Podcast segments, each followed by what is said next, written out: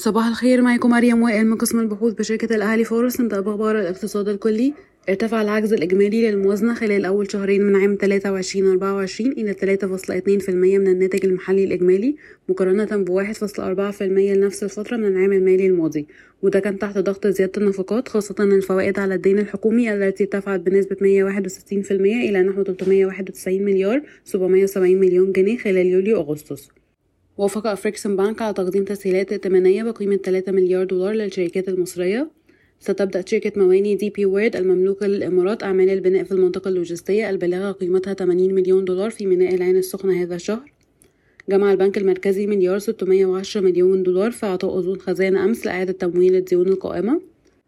ننتقل لأخبار القطاعات والشركات. سجلت المصرية للاتصالات صافي ربح 2 مليار 450 مليون جنيه في الربع الثالث من عام 2023 ودي زيادة 2.7% على أساس سنوي وانخفاض 15% تقريبا على أساس ربع سنوي.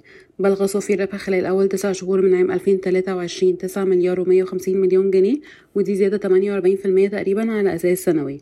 قمنا بتحديث القيمة العادلة لسهم المصرية للاتصالات إلى 45 جنيه للسهم يتم تداول السهم حاليا عند مضاعف ربحية العام 2024 4.1 مرة و EV to Adjusted EBITDA 2.6 مرة. أصدرت شركة الشرقية للدخان المؤشرات المالية الأولية للربع الأول من عام 23 24 سجل صافي الربح مليار 124 مليون جنيه وده انخفاض 20% على أساس سنوي وانخفاض 52.5% على أساس ربع سنوي.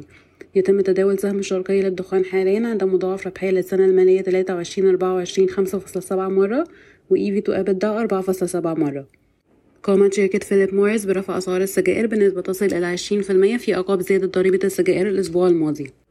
شهدت أسعار السكر ارتفاعا في أسعار البيع لتصل إلى 42 ل 48 جنيه للكيلو وهو ما أرجعه خبراء الصناعة إلى سوء سلوك عوامل السوق مثل التجار والمستهلكين النهائيين.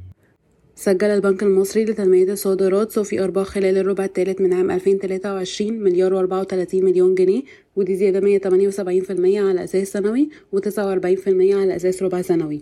وصل صافي الربح خلال أول تسع شهور من عام 2023 2 مليار 291 مليون جنيه ودي زيادة 131% على أساس سنوي. يتم تداول السهم حاليا عند مضاعف قيمة دفترية العام 2024.8 مرة ومضاعف ربحية 4.7 مرة. سجل البنك المصري الخليجي صافي أرباح مستقلة خلال الربع الثالث من عام 2023 389 مليون جنيه ودي زيادة 81% على أساس سنوي وزيادة 14% على أساس ربع سنوي. صافي الربح في أول تسع شهور من عام 2023 وصل مليار 47 مليون جنيه ودي زيادة 68% على أساس سنوي.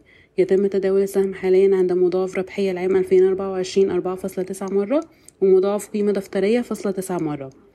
سجل بنك البركة صافي ربح خلال الربع الثالث من عام 2023 587 مليون جنيه ودي زيادة 24% على أساس سنوي وزيادة 2% على أساس ربع سنوي. سجل صافي ربح خلال أول تسع شهور من عام 2023 مليار و600 مليون جنيه ودي زيادة 24% على أساس سنوي. يتم تداول السهم حاليا عند مضاعف قيمة دفترية بمقدار فاصلة 8 مرة ومضاعف ربحية 3.6 مرة. خفضت وكالة فيتش للتصنيف الائتماني البنك الأهلي المصري وبنك القاهرة والبنك التجاري الدولي إلى B minus من B تخطط شركة تالي للمدفوعات الرقمية التابعة لبنك القاهرة إطلاق منصتين للدفع الإلكتروني الشهر المقبل إحداهما تستهدف الأفراد والأخرى تستهدف الشركات. قدم بنك يو ام بي طلبا إلى البنك المركزي للحصول على ترخيص بنك رقمي. أعطى مجلس النواب أمس الموافقة النهائية على تعديلات قانون الشركات الصغيرة والمتوسطة لعام 2020 والتي تمنح التمويل الذي تقدمه وكالة تنمية الشركات الصغيرة والمتوسطة نفس الإعفاءات والمزايا المنصوص عليها بموجب قانون البنوك. أعلنت شركة مصر الجديدة للإسكان والتعمير عن صافي خسارة قدرها 16.5 مليون جنيه خلال الربع الثالث من عام 2023 مقارنة بصافي ربح في الربع الثالث من عام 2022 قدره 12 مليون جنيه تقريبا وصافي ربح في الربع الثاني من عام 2023 قدره 5 مليون جنيه مما أدى إلى انخفاض صافي أرباح أول تسع شهور من عام 2023 بنسبة 99% تقريبا على أساس سنوي إلى 8 مليون جنيه تقريبا. رفعت شركة حديد عز أسعار حديد التسليح بمقدار 3865 جنيه للطن لتصل إلى 36 ألف جنيه في 13 نوفمبر 2023 بزيادة 12% عن سعر 32135 جنيه للطن المعلن عنه في 20 مارس 2023 قامت شركة مصر للألومنيوم بتمديد الموعد النهائي لتقديم العروض الفنية والمالية لإعادة تأهيل مرافق الشركة حتى 15 يناير 2024 وذلك بناء على طلب بعض الشركات. أصدرت شركة مصر للصناعات الكيماوية نتائجها المالية للربع الأول من عام 23-24 صافي ربح 137 مليون جنيه زيادة بنسبة 32% على أساس سنوي يتم تداول السهم حاليا بمضاعف ربحية العام 23-24 خمس مرات.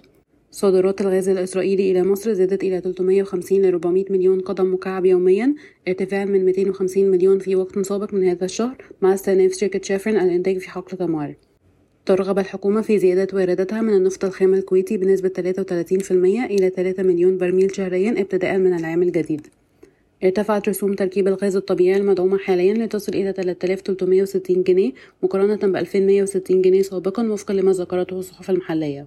اتفقت الشركة القابضة للأدوية التابعة لوزارة قطاع الأعمال مع وفد من اتحاد الصناعة والخدمات وشركة بونار فارما الجزائرية على تصدير الأدوية المصرية للسوق الجزائرية.